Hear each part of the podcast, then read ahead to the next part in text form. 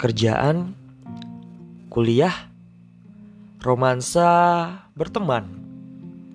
Masih banyak banget hal-hal lain yang ternyata ada kontrak yang tidak terucap dalam perjalanannya.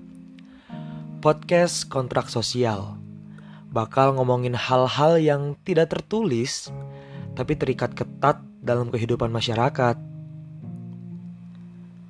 Gua Kiki gue bakal ngomongin manusia sebagai masyarakat dan lingkungan sebagai standar sosialnya. Jadi, mau putus kontrak atau masih mau lanjut?